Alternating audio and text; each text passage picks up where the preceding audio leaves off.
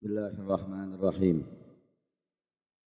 اللهم صل وسلم وبارك على سيدنا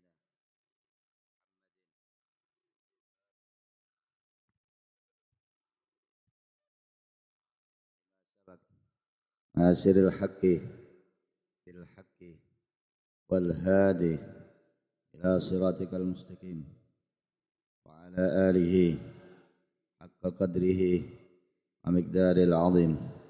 سبحانك لا علم لنا إلا ما علمتنا.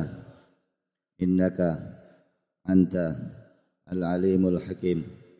رب اشرح لي صدري ويسر لي أمري واحلل عقدة من لساني يفقه قولي بجاه النبي والصحب والآل. Alhamdulillah uh, sore hari ini kita akan memulai membaca kitab Fathul Mu'in bi syarhi Qurratul Ain bihum bi muhimmatid din. Insyaallah saya berharap kepada kalian untuk sungguh-sungguh Ini hanya seminggu sekali, kitabnya jangan sampai hilang. Muka-muka menjadi ilmu yang manfaat dan barokah. Jadi bisa kamu bawa oleh-oleh pulang. Uh, kitab ini jamak dibaca di Pulau Jawa. Karena dulu kiai-kiai Jawa itu banyak yang ngaji ke Mekah, ngajinya sama sahibul hasyah, saya Bakri. Jadi nanti kita akan terangkan yang paling penting nanti dari tiga nanti besok insya Allah minggu depan tolong dikasih papan atau dikasih apa gitu yang bisa saya tulis-tulis begitu supaya lebih manfaatnya lebih umum. Jadi yang pertama harus kita ketahui sebelum membaca sebuah kitab adalah siapa muallifnya.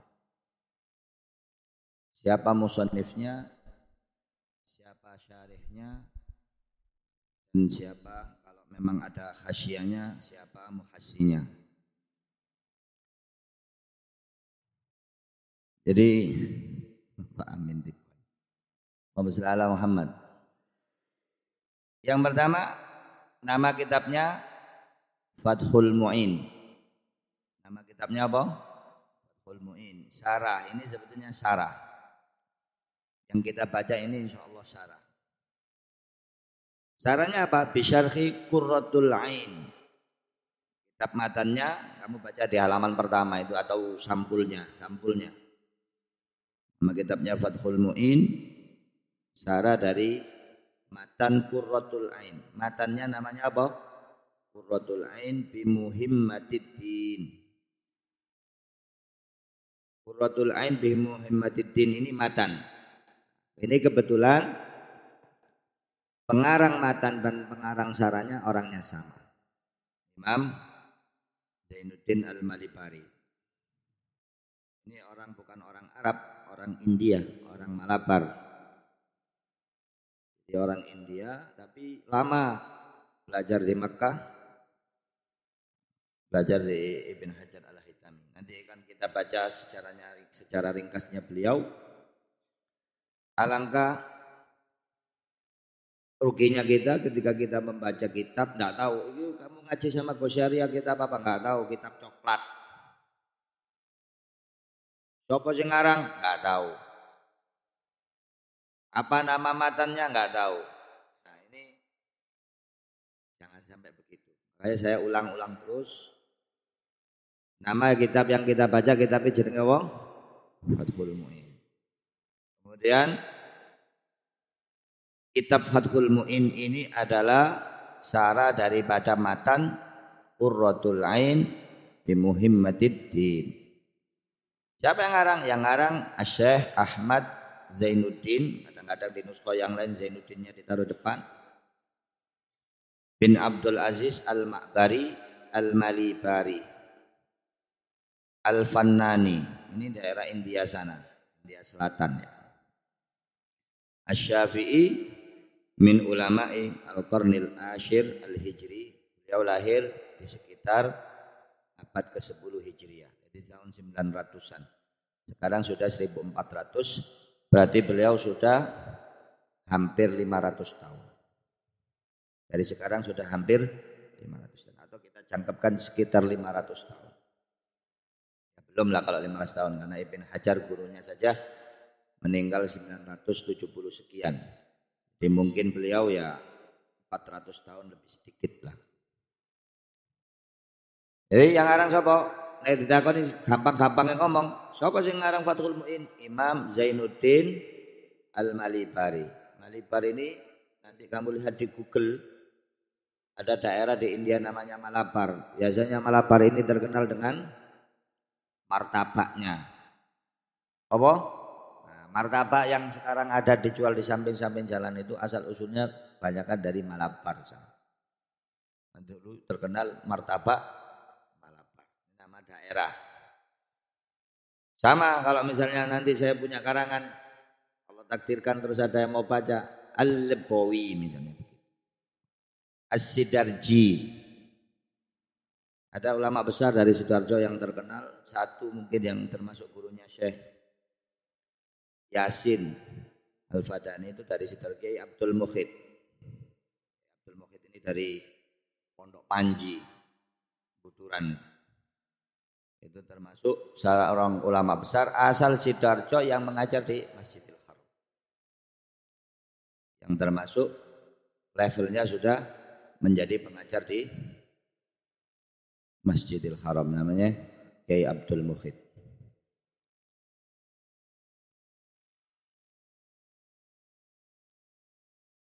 Oke. Nanti kitab ini biasanya kalau nanti kita ada agak kesulitan memahami ibaratnya, memarjikkan domirnya, nanti kita akan kembali kepada khasya. Kita akan, tapi kita nggak baca khasya karena terlalu panjang. Khasya itu apa?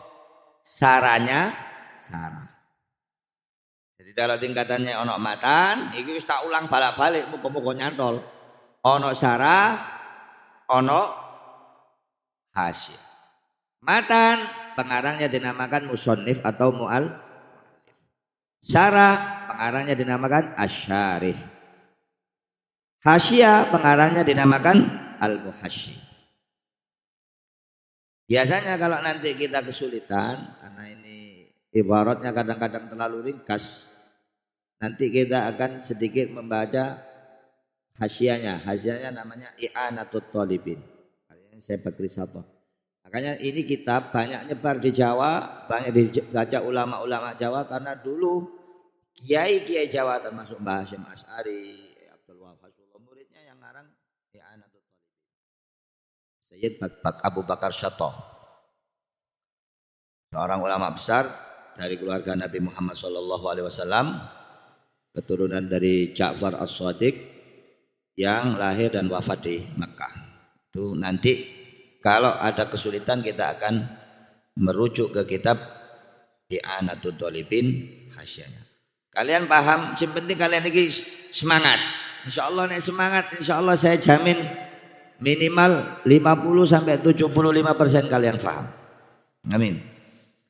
Amin. Ada orang yang belajar satu tahun, tapi dia mendapatkan lebih banyak daripada yang belajar 10 tahun. Karena 10 tahun santai, males. Tetapi yang belajar satu tahun dia sungguh-sungguh. Tapi yang belajar satu tahun dia sungguh-sungguh. Saya harap ini seminggu sekali ini uh, kalian sungguh-sungguh, kalian bawa kitabnya itu jangan sampai hilang. Kalau kitabnya hilang, ya eman-eman, tolong dijaga. Jadikan kitab kalian itu kekasih kalian sebelum nanti kamu punya istri. Jadikan istri lah. Jangan sampai dipinjamkan orang lain atau dikelonin orang lain, keloni awak dewi-dewi. Jadikan kitab kalian istri, istri kalian. Nanti dihilang no, nanti beli lagi. Oh, memang istri bisa beli lagi. Oke. Okay? Adapun tanggal uh, lahir dan atau tahun kelahiran dan wafatnya Imam Al-Malibari, Zainuddin Malibari ini tidak tercatat di buku-buku sejarah.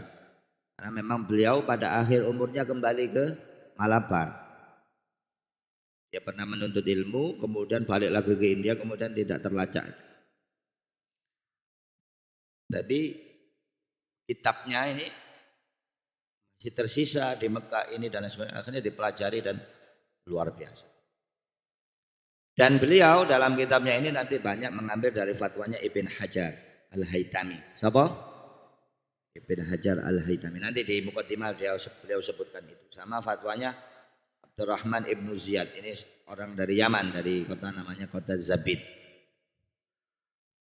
dan mengambil dari fatwa-fatwanya guru gurunya Syekhul Islam Zakaria al al Ansari kalau kamu nanti bisa ziarah ke Mesir bisa ziarah ke Imam Syafi'i kuburannya Imam Zakaria Ansari berada sebelum masuk ke kuburannya Imam Syafi'i. Zakaria Ansari itu Syekhul Islam semua sanat hari ini kembali kepada Zakaria Al-Ansari. Kamu misalnya baca Al-Quran. Kiro asap A misalnya. Tidak bisa sampai ke Rasulullah hari ini kalau tidak lewat Zakaria Al-Ansari. Makanya beliau dijuluki Syekhul Islam. Kalau orang Salafi, Syekhul Islamnya Ibnu Taimiyah. Tapi kita Syekhul Islamnya Al-Imam Zakaria Al-Ansari. Itu kakek gurunya yang mengarang Fathul Mu'in. Jadi beliau Imam Ahmad Zainuddin Al-Malibari ini ini enggak apa-apa ini mukadimah dulu ya. Punya guru namanya Ahmad bin Muhammad Al-Haytami atau terkenal dengan nama Ibn Hajar Al-Haytami. Nah, Ahmad bin Muhammad Al-Ma'ruf bin Hajar Al-Haytami punya guru lagi namanya siapa tadi? Zakaria Al-Ansari. Syekh Zakaria Al-Ansari. Zakaria Al-Ansari punya guru lagi namanya Ibn Hajar satunya. Ibn Hajar Al-Asqalani. Yang mengarang saranya Bukhari judulnya Fathul Bari. Makanya Imam Zakaria Al-Ansari mengatakan saya tercepit di antara dua batu. Hajar itu kan artinya batu. Batu yang pertama saya punya murid Ibn Hajar Al Haytami. Batu yang kedua saya punya guru yaitu Ibn Hajar Al Al Asqalani. Begitulah ulama. Ada sanatnya. Misalnya kita baca sanat kitab ini, kamu tanya guru saya, saya akan jawab. Misalnya saya sebagian ada yang saya baca dari Habib Salim Syatiri, misalnya dari guru-gurunya sampai ke Mu'alif. Atau kalau sanatnya orang-orang Jawa, pondok-pondok pondok Jawa banyak mengambil dari Mbah Khalil Bangkalan atau dari Mbah Hashim karena mereka dulu belajar di Mekah. Dan di antara guru mereka Sahibul Hasya siapa namanya? Syekh Bakri Bakri Syato sampai ke Rasulullah Shallallahu Alaihi Wasallam. Jadi enggak enggak enggak bukan syekhnya Syekh Google bukan. Dia ada ada mata rantai yang menyampaikan kita kepada Imam Syafi'i, Imam Syafi'i kepada Imam Malik, Imam Malik kepada Nafi, Nafi dari Ibnu Umar, Ibnu Umar dari Rasulullah SAW itu semuanya ada sanadnya. Oke kita baca bil barokah, mukadimahnya kita baca bil barokah. Semestinya ada kalian yang baca, silakan yang mau baca, yang mau silakan.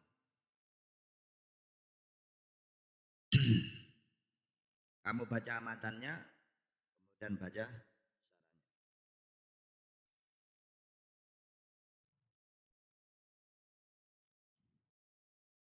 Ada yang mau baca?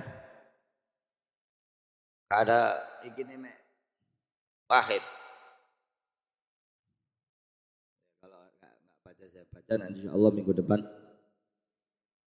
ada yang baca dari kalian insya Allah.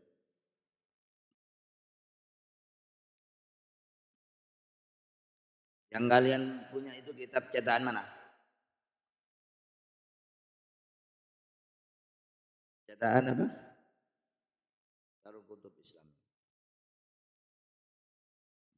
Saya punya cetakan ini. Beda dengan cetakan kalian ini. Enggak apa-apa nanti supaya bisa kita bandingkan. Bismillahirrahmanirrahim. Coba saya dikasih nuskonya punya kalian supaya saya bisa ngomong. Ada lebih nggak Pak Amin? Nusko ini atau pas? Kitabnya nggak sisanya ini. Buat saya pegang di sini. Supaya saya bisa bandingkan. Alhamdulillahi al-fattahil jawad. Sudah ketemu? Sudah ketemu belum? Eh, coba lihat sini yang saya lihat kitabnya.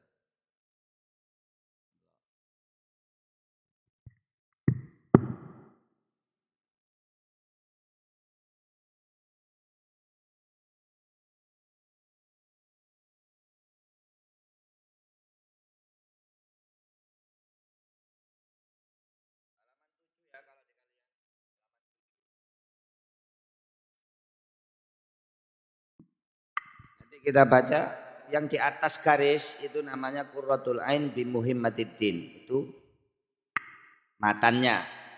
Karena garisnya itu kitabmu. Eh, tolong saya dikasih satu kitab mintakan ke Pak Amin supaya saya bisa banding-banding. Bismillahirrahmanirrahim.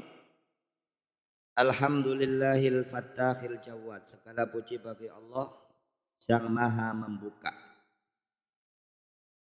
Fatah itu wazan mubalaghah daripada Fatih Al-Fatah. Zat yang banyak memberi pembukaan-pembukaan. Al-Jawad yang maha loman, yang maha dermawan.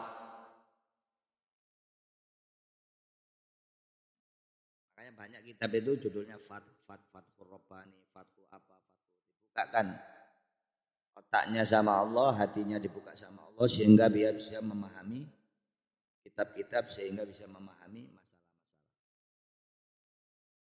Al-mu'ini ala tafaqquhi fid dini. Al-mu'in yang membantu ala tafaqquhi untuk bertafakuh. Tafakuh itu memahami. Fid dini di dalam agama. Siapa yang dibantu?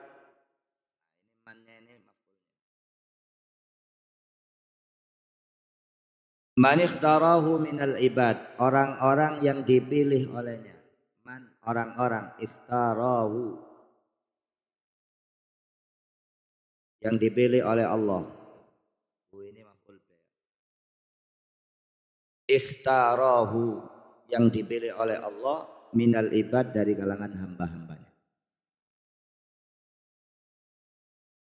Wa asyhadu an la ilaha illallah syahadatan tudkhiluna daral khulud. Dan aku bersaksi sesungguhnya tidak ada Tuhan selain Allah dengan sebuah kesaksian yang memasukkan kita darul khulud menuju surga yang abadi. Darul khulud ini salah satu nama surga. Anna sayyidana Muhammadan abduhu wa rasuluhu sahibu al-maqamil mahmud. Wa asyhadu dan aku bersaksi anna sesungguhnya sayyidana junjungan kita. Muhammadan Nabi Muhammad abduhu adalah hambanya.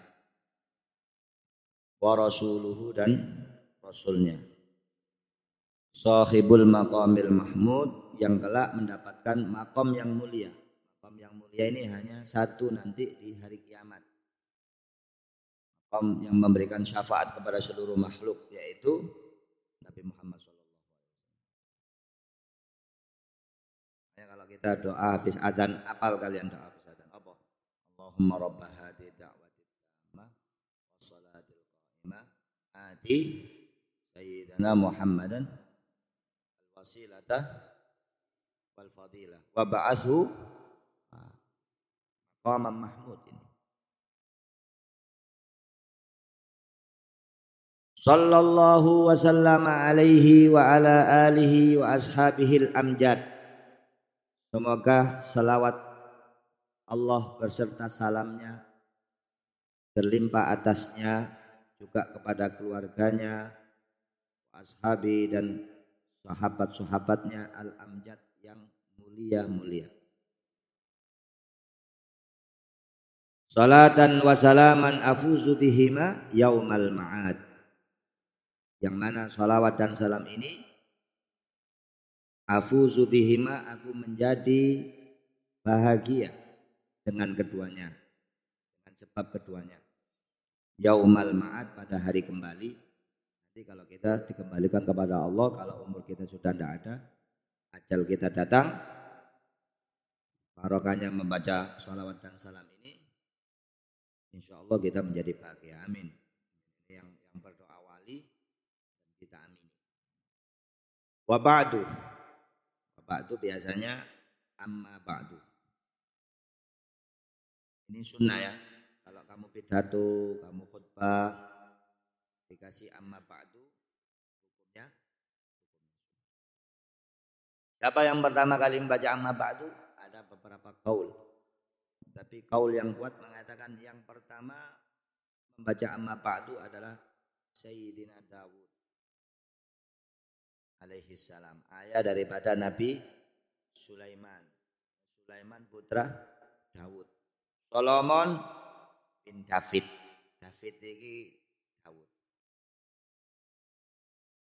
Solomon bin raja sekaligus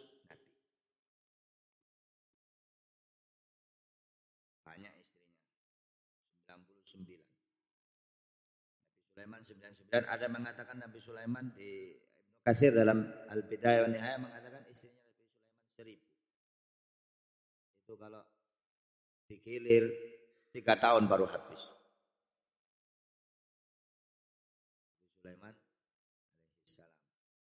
kamu mau kaya, mau sakti, baca doanya Nabi Sulaiman. Apa Gus doanya Nabi Sulaiman? baca di Al-Quran. Antaranya Nabi Sulaiman itu banyak membaca Bismillahirrahmanirrahim. Innahu min Sulaimana wa innahu Bismillahirrahmanirrahim. Allah ta'alu alayya wa atuni muslimin. Di antaranya doanya Nabi Sulaiman yang diabadikan dalam Al-Quran Rabbi auzi'ni an ashkura ni'mataka allati an'amta alayya wa ala walidayya wa an amala salihan tardah wa adkhilni bi rahmatika fi ibadika sholihin. Ini ada dua. Yang di surat Al-Ahqaf ada beda sedikit. Tapi bukan doanya Nabi Sulaiman itu. Aslih li fi dzurriyyati inni tubtu ilaika wa inni minal muslimin. Ini doanya Sayyidina Abu Bakar As-Siddiq. Kita mau mau ganteng, ya mau codongannya Nabi Yusuf, sing kukul-kukul akeh sing elek-elek itu supaya ada inner beauty-nya handsome apa? Inner handsome. Aku gak bahasa Inggris. Supaya ada kecampanan dari hatinya, ya banyak baca doanya Nabi Yusuf alaihissalam. Kalau kepingin sempurna ya banyak doanya Nabi Muhammad Rabbana atina fid dunya hasanah fil akhirati hasanah kita. Jangan diremehkan. Itu doa yang paling sering dibaca Rasulullah sallallahu alaihi wasallam. Hasanah Wabil akhirati hasanah qina Jadi sunnah membaca amma ba'du setelah pembukaan kemudian masuk ke isi pembicara. Wa ba'du bahada syarhun mufidun. Maka inilah syarah yang berfaedah. Jadi sudah saya katakan kalau ada syara berarti sebelumnya ada ma matan. Yang ono syara berarti ono sing disarai. Apa yang disarai namanya? Matan. Ala kitabi atas kitab saya sendiri kata Imam Zainuddin Al-Malibari. Al-musamma bi qurratul ain bi muhimmatiddin. Yang saya namakan kitab itu qurratul ain. Qurratul ain itu sesuatu yang menyenangkan mata bimuhimmatidin dengan hal-hal yang penting dalam agama. Itu kalau di, di, diartikan ya, tapi sudah jadi nama. Qurratul Ain bimuhimmatidin ini sudah jadi nama kitab. Yubayyinul murad yang mana syara ini memberikan keterangan akan tujuan dari kitab Qurratul Ain. Yubayinu menerangkan al-murad murad itu sebenarnya sudah jadi bahasa Indonesia. Tujuan. Wa yutammimu al-mufada dan menyempurnakan faidah. Wa yuhasilu al-maqasidah dan menghasilkan tujuan-tujuan. Wa yubrizul fawaida dan memunculkan faidah-faidah. Wa sammaituhu dan aku namakan kitab syara ini bi Fathil Mu'in dengan nama Fathil Mu'in. Bisarhi Qurratil Ain sebagai syara dari kitabku Qurratul Ain bi Muhammadiddin. Wa ana dan aku as'alullah al-karim al-mannana memohon kepada Allah al-karim yang maha pemurah. Al-mannan yang maha banyak memberi anugerah an ya ummal intifa supaya menjadi umum supaya menyeluruh al intifa manfaatnya bihi dengan kitab ini dengan syara ini lil khassati wal ammati bagi kalangan khusus dan kalangan umum. Kamu kalau mengartikan perkata suwe-suwe pinter. Suwe-suwe pinter. Nggak tahu ambil kamus. Nggak tahu ambil kamus. Tapi biasakan mengartikan kata per kata karena itu akan menambah mufrodatmu, menambah kosakatamu, perbendaraan bahasa. Ya, kita nggak tahu ya kita buka kamus.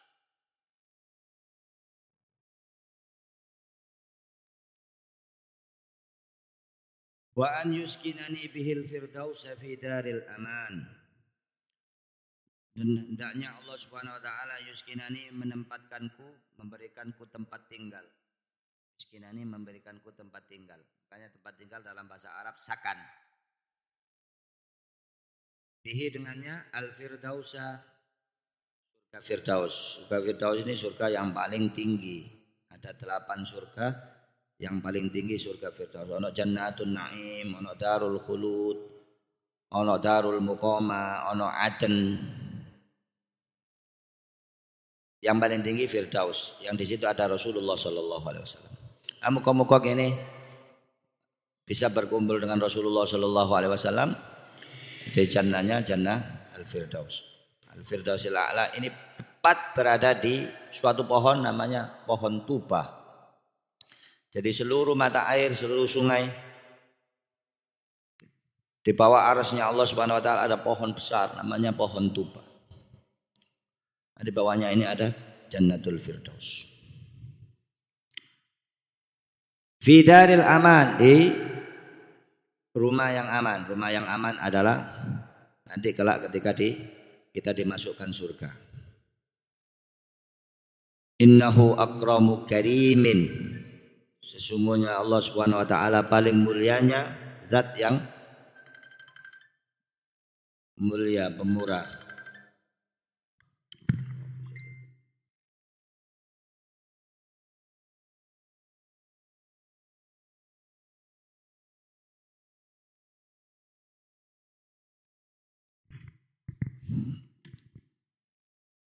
wa arhamur rahimin dan paling pengasihnya zat yang maha pengasih.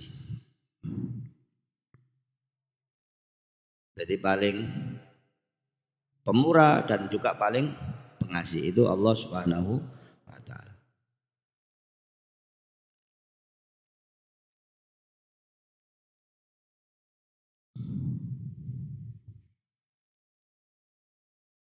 Kita baca sekarang uh, matannya yang di atas garis. Bismillahirrahmanirrahim. Tapi ini yang paling penting. Kamu kalau nggak paham syarah minimal modal kita paham matan. Syarah ini batin lah.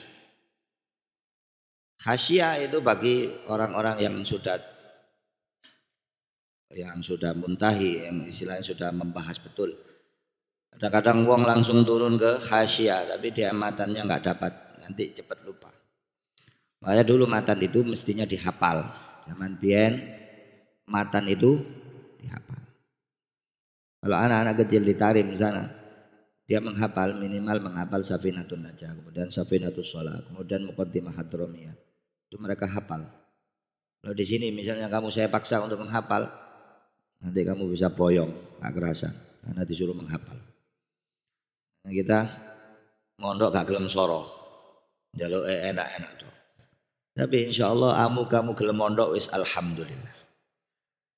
Tidak mudah mondok itu apalagi kalau ketemu teman-temanmu dari luar agak gampang.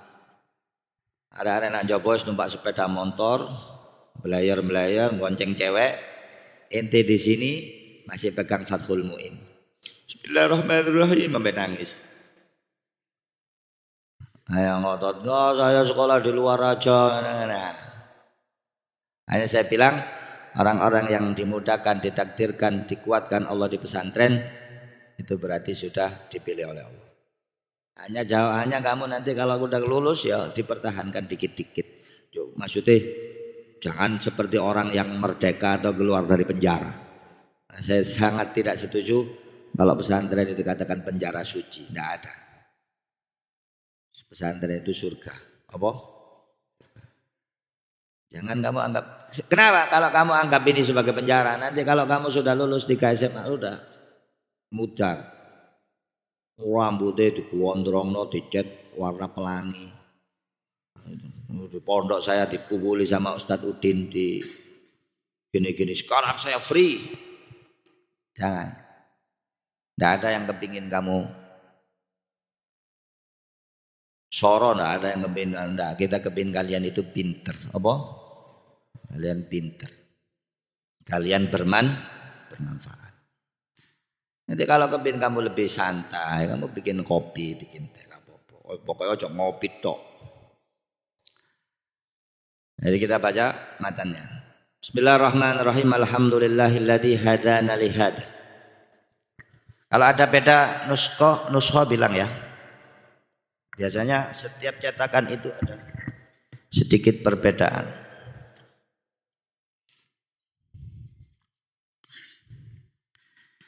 Alhamdulillahilladzi hadana li segala puji bagi Allah yang telah memberikan hidayah untuk hal ini.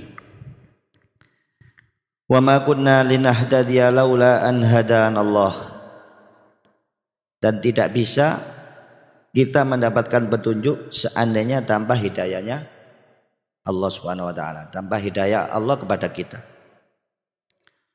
Wassalatu wassalamu ala sayyidina Muhammadin Salawat serta salam selalu tercurah terlimpah kepada junjungan kita Nabi besar Muhammad Rasulullah utusan Allah.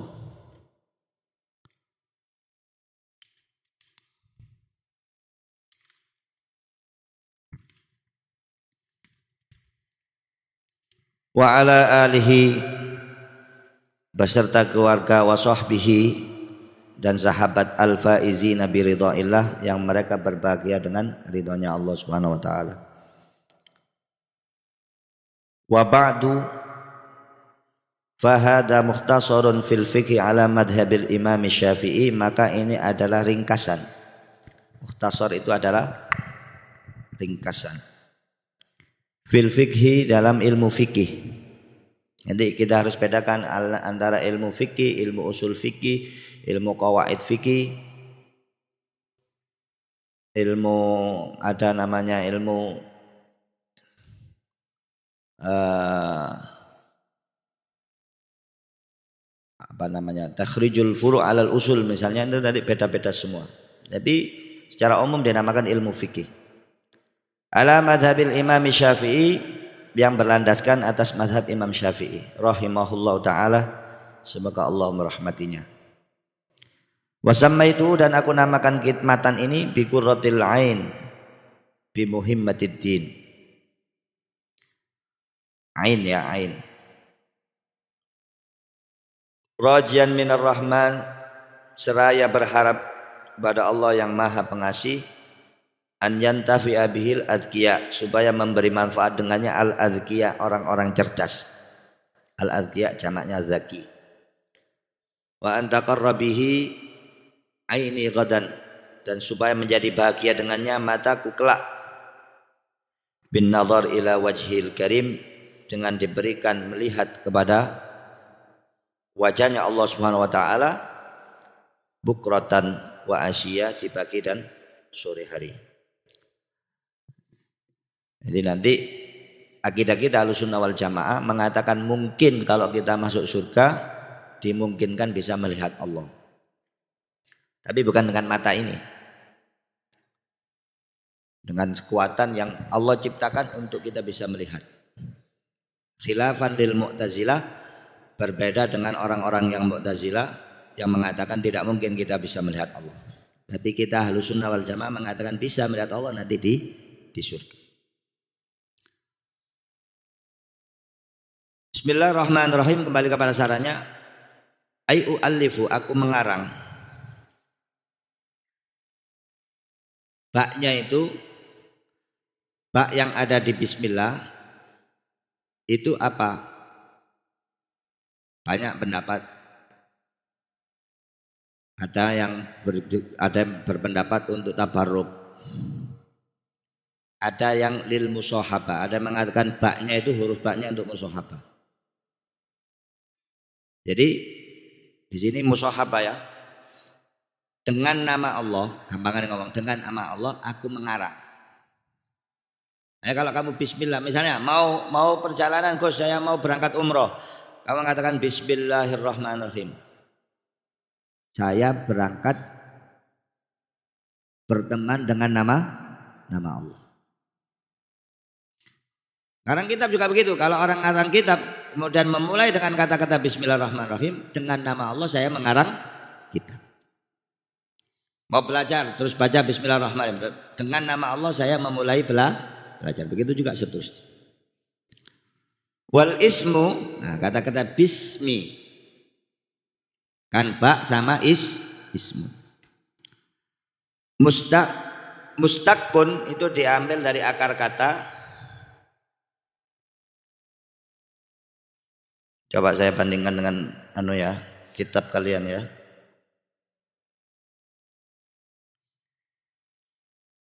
Mustakun diambil dari kata-kata minasuwu dari kata-kata sumu. Sumu artinya tinggi.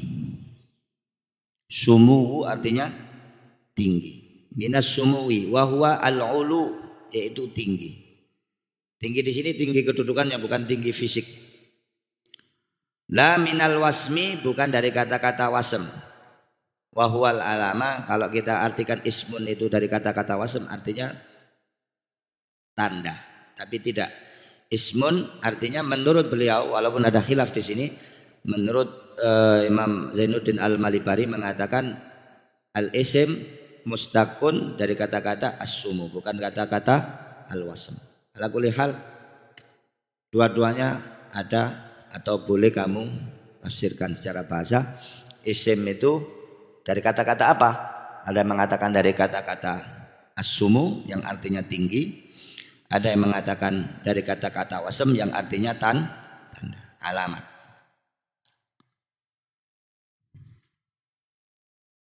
Wallahu, nah ini penting ini, ini penting ini. Ini dikit semua kitab nanti terulang-ulang.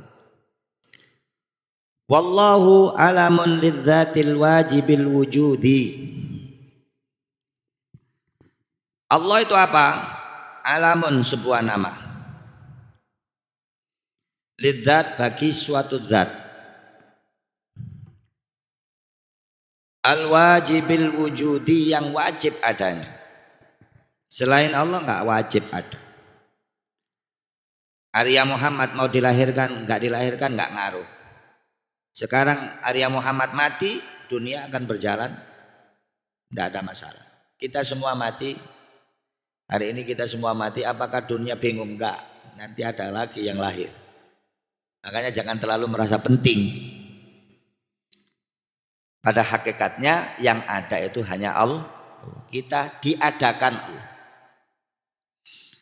Tapi satu-satunya zat yang wajib adanya. Kalau tidak ada Allah, tidak ada semuanya. Kalau tidak ada Allah, tidak ada semuanya. Makanya dikatakan alamun lidzati al-wajibil wujud. Yang wajib adanya. Maksudnya apa? Selain Allah nggak wajib ada. Misalnya nabhan. Nabahan mau lahir, mau nggak lahir, nggak ngaruh ke dunia. Nabahan mati, tetap aja dunia tetap ada berjalan. Messi mati, Cristiano Ronaldo mati, nggak ngaruh. Nanti ada pemain-pemain lain yang akan gantikan. Hah? Ya kadang-kadang gini kita terlalu mahal menghargai diri kita. Kita nggak penting. Yang penting itu hanya Allah. Karena yang hakikatnya ada adalah Allah. Kita ada karena diadakan Allah. Nanti pada saatnya kita akan dikembalikan kepada Allah. Makanya inna lillahi wa inna ilaihi rajiun. Jadi kata-kata wajibul wujud hanya Allah. Makanya nek di sifatnya Allah yang 20 itu wujud ditaruh nomor berapa? Ditaruh nomor satu. Kenapa ditaruh nomor satu? Karena kalau tidak wujud ya semuanya tidak ada sifat-sifat yang lain itu. Dan beliau dan Allah Subhanahu wa taala adalah zat yang al-wajibil wujud, yang lainnya tidak ada. Hanya Allah Subhanahu wa taala. Ini perhatikan ini penting dalam ilmu akidah. Jadi kalau sekarang Allah mau membubarkan alam semesta, wah bubarkan aja bikin alam semesta baru. Ya tidak masalah, Wong dia yang punya segalanya. Makanya kita jangan sombong siapa kita. Kita jangan merasa penting siapa kita. Hari ini kita mati, paling yang keluarga kita nangis dua hari, tiga hari, seminggu udah lupa. Bikin anak lagi. Jangan merasa penting, kadang-kadang ngancam-ngancam orang tuanya mama, pokoknya mama harus gini. Hmm. Jangan merasa penting. Hah? Yang penting hanya Allah. Artinya kalau Allah nggak ada masalah. Kalau selain Allah kan nggak ada masalah. Alam semesta akan berjalan tetap. Coba kamu hayal. Hari ini kita mati. Apakah dunia akan buyar dengan kematian kan enggak? Hari kubur mari wis besok Selesai nanti ada ganti gantinya. Wa asluhu ilahun. Nah, kata-kata Allah itu asalnya dari kata ilah. Wa huwa ismu jinsin likulli ma'bud yaitu sebuah nama jenis bagi setiap yang disembah.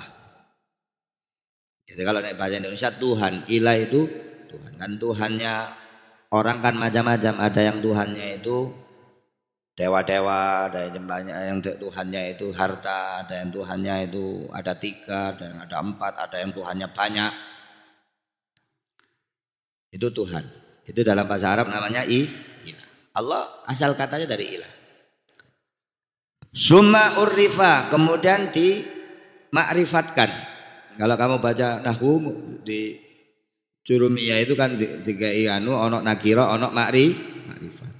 Ilah ini nakiro kemudian dimakrifatkan di al dengan dimasukkan al. Wa khudifatil hamzah dan hamzanya dihapus. Jadilah al Allah. Summa stu'mila fil ma'bud kemudian nama ini dipakai di zat yang disembah bihakin dengan benar. Jam 5 kita selesai ya. Kurang 5 menit. Wahwal ismul a'dham dan inilah nama yang paling besar indal aksar menurut mayoritas ulama. Di antara yang mengatakan Allah ini ismul a'dham adalah Sayyidina Syekh Abdul Qadir Al-Jailani. Jadi siapa yang berdoa dengan Allah dengan syarat tidak terbesit di hatinya kecuali Allah maka akan pasti dikabulkan. Maka dinamakan Ismullahil. Ada hadisnya, misalnya hadis Rasul Shallallahu Alaihi Wasallam kalau berdoa itu Allahumma inni as'aluka bi anni asyhadu annaka antallah la ilaha illa anta al hadus samad alladzi lam yalid wa lam yulad wa lam yakul lahu kufuwan ahad. Pasti dikabulkan doanya. Kalau kamu baca doa itu sebelum sebelum berdoa. Hanya kamu harus hafal itu hadis ada itu kata-kata Allah. Ada sebagian ulama yang mengatakan Ismullahil A'zam Al-Hayyul Qayyum. Di anda yang mengatakan Al-Hayyul Qayyum Imam Nawawi. Imam Nawawi cenderung mengatakan Ismullahil A'zam Al-Hayyul Qayyum. Karena dia ada di ayatul kursi.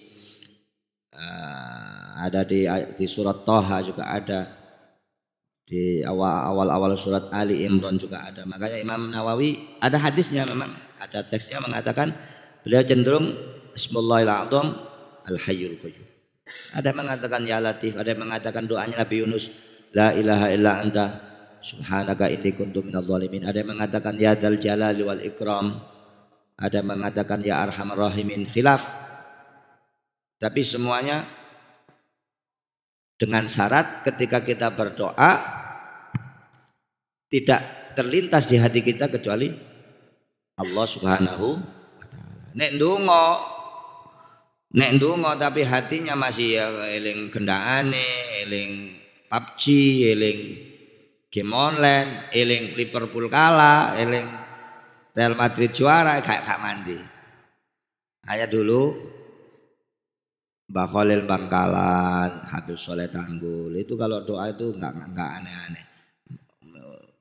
Dari beberapa kisah yang kita dapatkan Mbah Khalil itu kalau dimintain jimat, toko sepi, anak sakit dituliskan koma zaidun atau zaidun imun.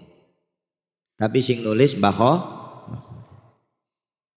Habib Soleh Tanggul kalau dimintain jimat orang tentara mau berangkat ke medan perang, orang apa takut mati, mau dibaca orang tulisin jimat selamat jalan. Bacok gak mampu.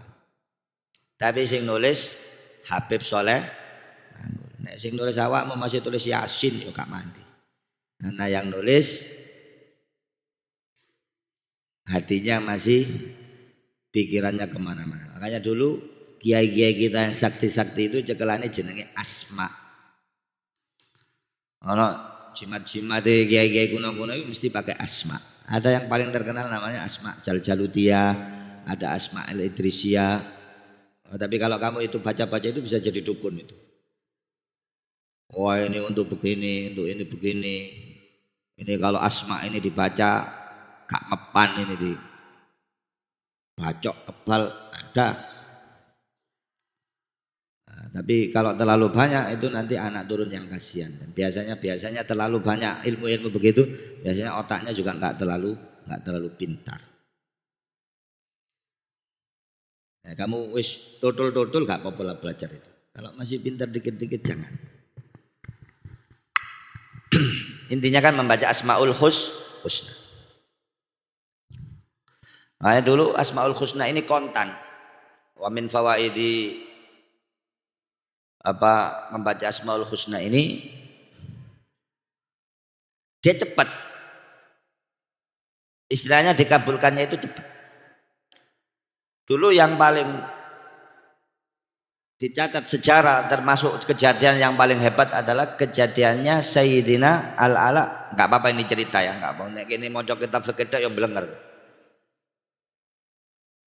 Dulu ada sahabat namanya Al-Ala bin Hadrami. Siapa jenenge? Iki krungu enggak iki saloni sana? Dengaran yang di belakang. Ada sahabat jenenge sapa? Al-Ala bin Ala bin Hadrami ini seorang yang mujabud dakwah yang doanya selalu dikabulkan oleh Allah termasuk sahabatnya Rasulullah Shallallahu alaihi wasallam. Beliau pernah menjadi gubernur Bahrain dan beliau termasuk orang yang pertama kali menaklukkan Bahrain atau dulu dinamakan Darain Melihat peta ada negara kecil di tengah laut namanya negara Bah. Itu dulu yang pertama kali menaklukkan sahabat namanya Al-Ala ibn Hadrami. Ketika diutus untuk menaklukkan Bahrain, Al-Ala bin Hadrami ini membawa 4000 pasukan.